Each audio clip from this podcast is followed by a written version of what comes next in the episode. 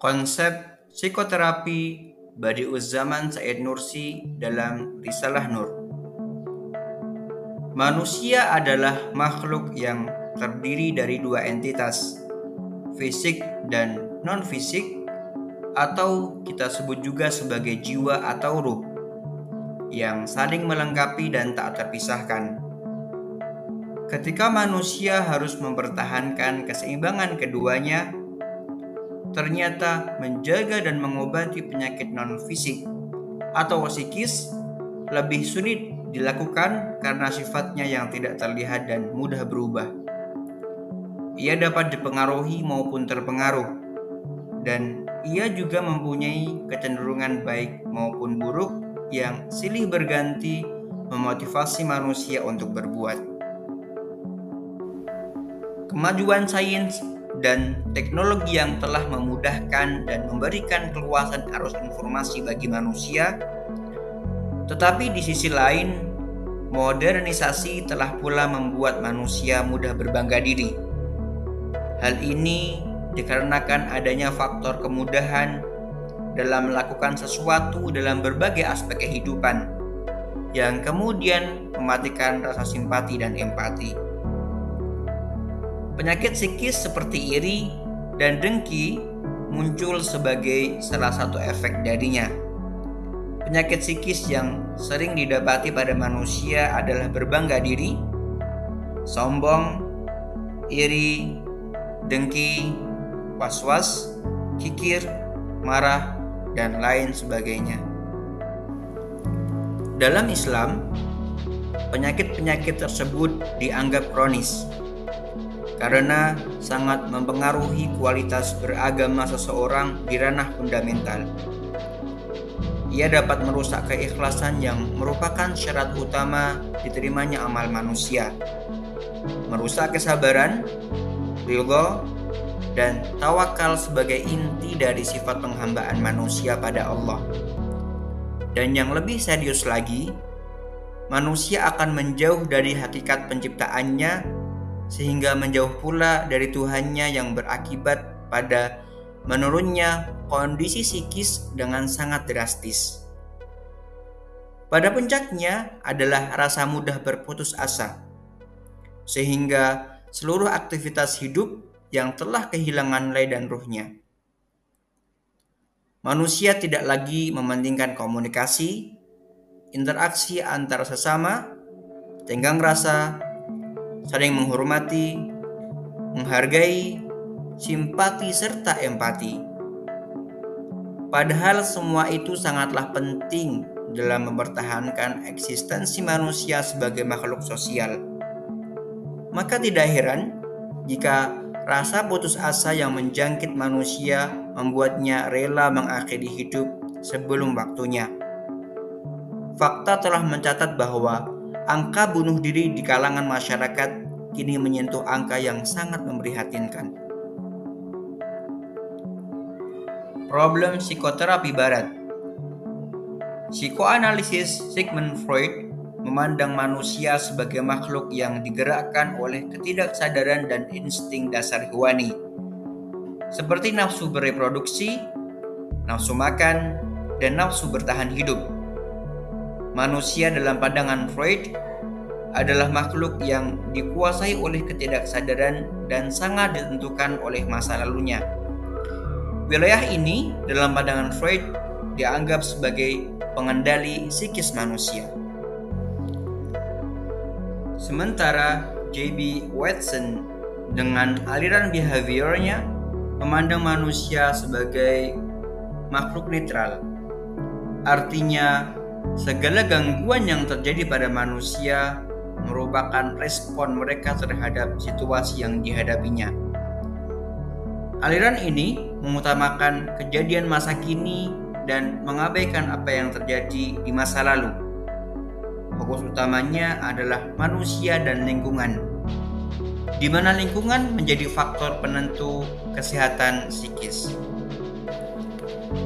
Selain itu, psikolog humanistik Abraham Maslow menganggap bahwa manusia pada dasarnya adalah makhluk baik yang aktif menentukan geraknya sendiri Aliran ini memberikan penekanan pada aspek kemandirian manusia atau yang mereka sebut dengan man's self sebagai suatu subjek berharga bagi pengalaman individu.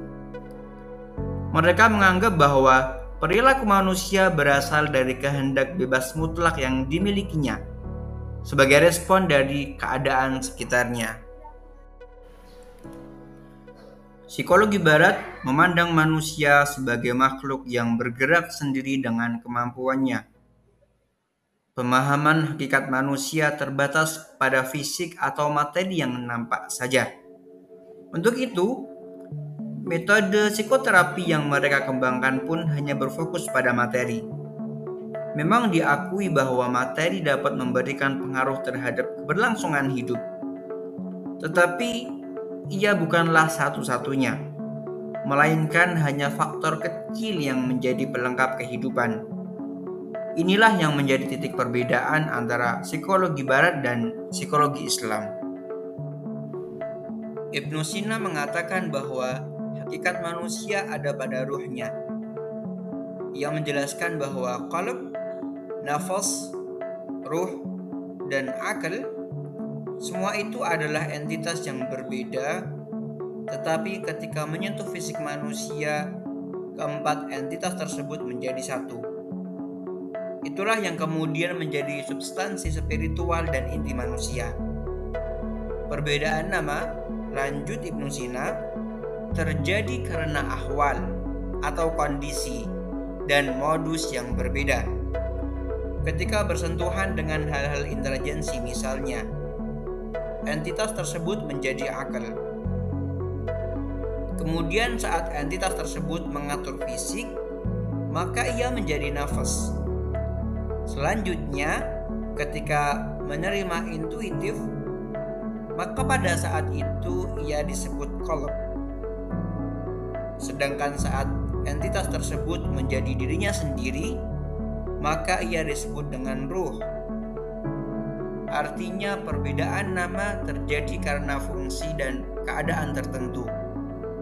Tetapi saat keempat unsur tersebut berada dalam tubuh manusia, mereka menjadi entitas yang tidak bisa dipisahkan. Sesungguhnya psikologi sangat terkait dengan unsur ketuhanan. Tuhan seharusnya menjadi subjek dan mempengaruhi pandangan kajian psikologi tanpa mengabaikan faktor eksternal yang menjadi salah satu hal yang mempengaruhi perilaku manusia. Untuk itu, mengkaji manusia dengan tidak mengaitkan unsur ketuhanan merupakan tindakan yang sia-sia. Konsep psikoterapi dalam Risalah Nur Mengkaji konsep psikologi tentunya diawali dengan kajian tentang manusia, terkhusus jiwanya, Ustadz Badi'uz-Zaman Said Nursi dalam kitab Risalah Nur menyatakan bahwa manusia adalah makhluk yang diciptakan untuk beribadah. Konsekuensinya adalah manusia dengan segala potensinya ditugaskan untuk dapat menjadikan setiap yang dilakukannya bernilai ibadah. Di saat yang sama, Allah melalui firman-Nya memberikan ganjaran kebaikan pada yang melakukannya dan hukuman bagi yang melanggarnya di dunia maupun di akhirat. Inilah perbedaan konsep psikoterapi barat dan Islam. Bahwa Islam senantiasa menghadirkan akhirat sebagai orientasi tertinggi dalam segala aktivitas. Sedangkan barat hanya fokus pada dunia sehingga dalam memaknai manusia sangat terbatas pada apa yang dilihat, dirasa, dan dialami secara fisik saja. Motivasi dalam psikoterapi adalah core atau inti darinya. Seluruh metode dan teknis klinis akan menyertakan motivasi di dalamnya. Dalam Al-Quran, Allah menyebutkan bahwa Ia tidak akan mengingkari janjinya. Kebaikan akan disampaikan bagi yang beribadah kepadanya, begitu pula hukuman akan dijatuhkan bagi yang melanggarnya. Di sinilah peran iman berfungsi. Karena mengenal dan memahami Allah beserta janji-janjinya yang bersifat non-fisik, tidak mudah untuk dijangkau manusia kecuali dengan imannya. Beliau berulang kali mengatakan bahwa sebaik-baik pekerjaan di zaman modern ini adalah mengabdi kepada iman. Mengabdi bukan berarti penghambaan, tetapi meletakkan dedikasi yang tinggi terhadap iman. Seluruh perbuatan, pemikiran, keputusan, bahkan niat haruslah berdasarkan iman yang kuat. Ustadz Nursi telah merumuskan penyakit-penyakit psikis yang diderita manusia modern saat ini, beserta solusi dan penanganan psikisnya. Beliau mengajukan kedinamisan Islam dalam menghadapi realita kehidupan melalui sebuah konsep dengan tiga ide dasar yang menjadi inti penanganan gejala psikis, yaitu pertama, mengabdikan diri kepada iman dan Al-Quran, kedua, menjaga keikhlasan, dan ketiga, menjaga persatuan umat dan bergabung dengan jamaah. Ide-ide dasar ini yang selalu ditekankan Nursi pada banyak bagian pada karyanya sebagai sebuah hal yang berkaitan dengan psikoterapi. Penting dicatat bahwa ketiga ide dasar tersebut tidak dapat dipisahkan. Semua harus diterapkan secara sistematis. Hal tersebut dikarenakan pengabdian diri terhadap iman adalah unsur terbesar dalam metode ini. Selanjutnya, diikuti dengan keharusan menjaga keikhlasan dalam kehidupan yang nyata sebagai ruh. Sekaligus merupakan kunci diterimanya pengabdian. Kemudian diakhiri dengan menjaga ukhuwah dan jamaah yang menjadi penopang kekuatan dalam pengabdian tersebut. Secara umum, dapat dilihat bahwa Nursi dalam hal ini tidak terpaku hanya dalam proses penyembuhan. Bahkan beliau cenderung mengabaikan penyakit psikis yang diderita seseorang, lalu mengalihkan perhatian orang itu pada aksi positif yang bermanfaat bagi kehidupan akhiratnya. Hal ini bukan berarti beliau mengabaikan problem psikis yang diderita seseorang, namun Ustadz Said Nursi berpendapat bahwa hal-hal negatif tidak perlu terlalu dipikirkan. Tetapi kewajiban kita adalah berbuat baik di hadapan Allah. Dengan kata lain, dalam metode ini, seseorang yang memiliki masalah psikis diarahkan untuk senantiasa menyibukkan diri dengan kegiatan-kegiatan bermanfaat yang dapat memupuk keimanannya. Sehingga bersamaan dengan itu, penyakit jiwanya pun terobati. Di antara penyakit jiwa yang mendapat perhatian dari Ustadz Nursi dalam karyanya ini adalah putus asa, berbangga diri, egois, dan berprasangka buruk. Menurut beliau, jika seseorang merasa berputus asa, maka hendaknya ia menyadari bahwa Allah akan mencukupi segala kebutuhan hambanya dan mengampuni segala dosanya. Untuk itu, hendaknya manusia menyadari betul bahwa sebenarnya berbagai problematika yang sedang dihadapinya adalah sarana untuk menemukan jalan kembali menuju Allah. Manusia tidak berhak mengeluh atas berbagai problematika kehidupan yang menibanya. Sebab segala sesuatu yang ada di muka bumi ini berada di bawah kekuasaannya Ustadz Nursi menganalogikan jika seorang model yang memperkenalkan baju rancangan seorang desainer tak dapat memprotes atau mengeluhkan pakaian yang akan diperagakannya. Karena semua keinginan sang desainer sebagai perancang baju tersebut harus dipatuhinya sebagai balasan atas upah bayaran yang diberikannya. Maka Ustadz Nursi menjelaskan bahwa tubuh ini diberikan oleh Allah tanpa kita bayar sedikit pun. Karena itu, Allah mempunyai hak prerogatif terhadap apa yang telah diciptakannya. Hendaknya setiap manusia memandang kehidupan ini dengan kacamata iman. Maka ia pun akan segera menyadari bahwa pada hakikatnya ia tidak memiliki apa-apa bahkan dirinya pun bukanlah miliknya, melainkan karunia Allah. Semua berjalan menurut kehendaknya. Dengan demikian, ia tidak akan takut menghadapi pahitnya kehidupan. Siapa pun yang beriman kepada Allah, ia akan selalu bertawakal atas masa depan mereka dengan segala kemungkinan yang akan terjadi. Berbangga diri adalah pintu menuju penyakit psikis yang disebut ria. Untuk itu, siapa pun yang mencari kemasyhuran, ketenaran, popularitas, jabatan, kemuliaan di mata manusia, maka Ustadz Nursi mengingatkan bahwa hal itu adalah sumber dari penyakit ria dan matinya hati. Maka jangan sampai terjerumus ke dalamnya agar tidak menjadi hamba bagi manusia. Namun, jika memang seseorang dengan sengaja menjerumuskan diri ke dalamnya, maka katakan inna lillahi wa inna ilaihi raji'un. Hal ini menunjukkan bahwa riya adalah bentuk penghambaan diri kepada selain Allah. Karena usaha yang dilakukan bukan untuk mencari ridhonya, melainkan hanya mencari kemasyhuran. Langkah pertama yang harus ditempuh untuk mengobati penyakit gemar berbangga diri adalah menyadari bahwa seseorang tidaklah berhak atas dirinya. Oleh karena menurut Ustadz Nursi setiap makhluk sangat lemah dalam segala hal dan kemampuannya sangat tergantung kepada Allah. Maka hendaklah seorang muslim mengucapkan La hawla wa la quwwata illa billah Lahul mulku wa lahul hamd Ungkapan beliau ini memberi pesan bahwa di hadapan Sang Pencipta, manusia bukanlah apa-apa. Setiap nafas yang terhirup, kenikmatan yang didapat, jabatan yang dimiliki, dan apa pun yang ada di dunia ini, semua itu adalah anugerah dan titipan Tuhan.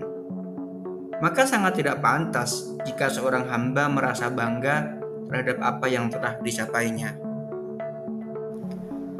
Penyakit egoisme dapat diobati dengan menyadari bahwa diri kita tidak ada apa-apanya jika dibandingkan dengan orang-orang terdahulu. Dalam konteks ini, Ustadz Nursi mengingatkan bahwa janganlah sampai tertipu oleh usaha yang telah dikerjakan. Sebab itu akan memicu lahirnya sifat ego.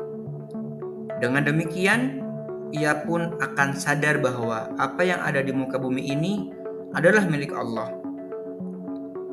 Selanjutnya, untuk mengobati prasangka buruk, Ustadz Nursi menjelaskan sesungguhnya perbuatan tersebut akan menutupi segala kebaikan dan hakikat segala sesuatu.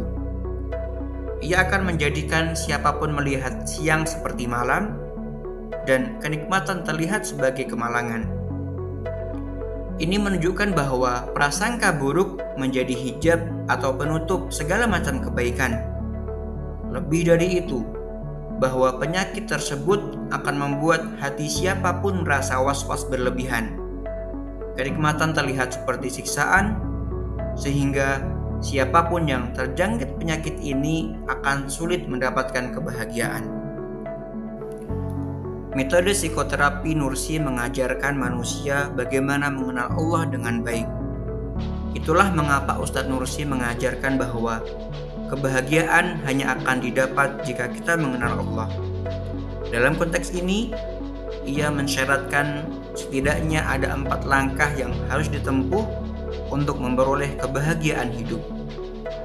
Yang pertama adalah al-ajaz, yakni dengan selalu merasa lemah di hadapan Allah, bukan kepada manusia. Dengan begitu, seorang hamba selalu merasa membutuhkannya. Artinya, setiap manusia agar selalu bersandar, berdoa, mengandalkan kekuatan, kasih sayang, serta pertolongannya. Kedua, al-faqr, yaitu selalu merasa fakir tidak memiliki apa-apa di hadapan Allah. Sehingga dengan demikian manusia akan senantiasa butuh pencukupan darinya. Tanpa perasaan seperti ini, hidup tidak akan berjalan. Langkah ini mendidik manusia untuk selalu kona'ah atau merasa cukup atas segala nikmat yang telah diberikan oleh Allah. Ketiga, asyafaqah yaitu selalu merasa rindu kepada Allah dan tidak memandang dirinya kecuali sebagai makhluk yang banyak memiliki kekurangan, kelemahan, serta kefakiran. Dengan demikian, ia selalu menggantungkan diri terhadap kuasa Allah dalam setiap tindakan dan perbuatannya. Langkah ini akan membersihkan jiwa dari segala macam penyakit.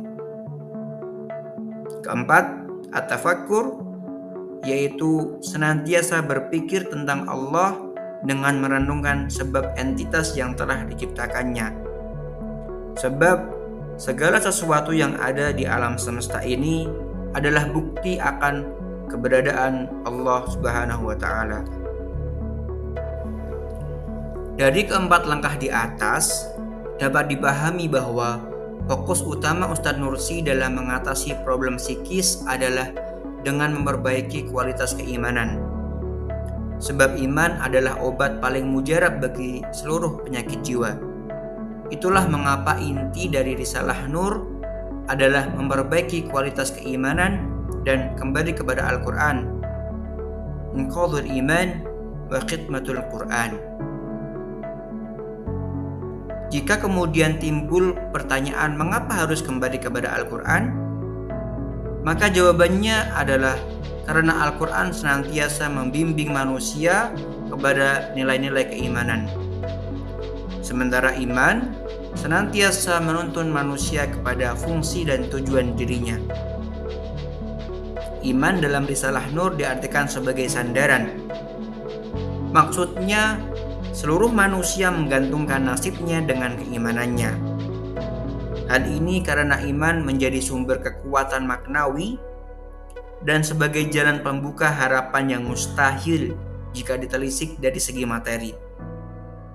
Seperti dikatakan Muhsin Abdul Hamid bahwa pembaruan pemikiran Islam haruslah dimulai dari masalah pokok yaitu iman karena ia akan melahirkan perubahan total dalam kehidupan. Maka dengan memperbaiki kualitas keimanan, seseorang telah melakukan perubahan yang berarti bagi kehidupannya. Serta menjauhkan jiwa dari berbagai penyakit. Dari pembahasan di atas dapat disimpulkan bahwa kajian keimanan dalam psikoterapi Ustadz Nursi mengajak manusia untuk selalu bertafakur karena dengan tafakur, manusia dapat menemukan hikmah dan nilai-nilai agung yang tersimpan dalam setiap perkara. Di samping itu, tafakur yang terarah oleh absolutisme wahyu akan membuat pelakunya mampu memotivasi dirinya secara maksimal. Dengan kata lain bahwa dimensi akhirat yang diajarkan oleh wahyu Allah akan membuat pandangan manusia semakin luas sehingga harapannya pun tidak terbatas. Akhirnya, mengetahui hakikat jiwa akan mengantarkan manusia menuju tangga-tangga keimanan. Dengan tidak berlebihan, penulis berasumsi bahwa metode imani yang digagas Ustadz Nursi barangkali dapat dijadikan alternatif untuk menyelesaikan masalah penyakit hati. Kajiannya mengenai iman menjadi penting sebab iman menjadi pengendali bagi setiap perbuatan. Sebagai contoh, jika seseorang beriman kepada Tuhan dengan segala sifat kemahakuasaannya, maka dia tidak akan melakukan sesuatu yang tidak disukainya. Sebab ia percaya bahwa Tuhan melihat segala sesuatu yang dilakukan oleh hambanya. Di sini jelas bahwa iman menempati posisi penting di dalam kehidupan manusia ia tidak hanya menjadi motor penggerak, tetapi di saat yang sama, keimanan juga menjadi pengendali bagi manusia dalam mengontrol hawa nafsunya.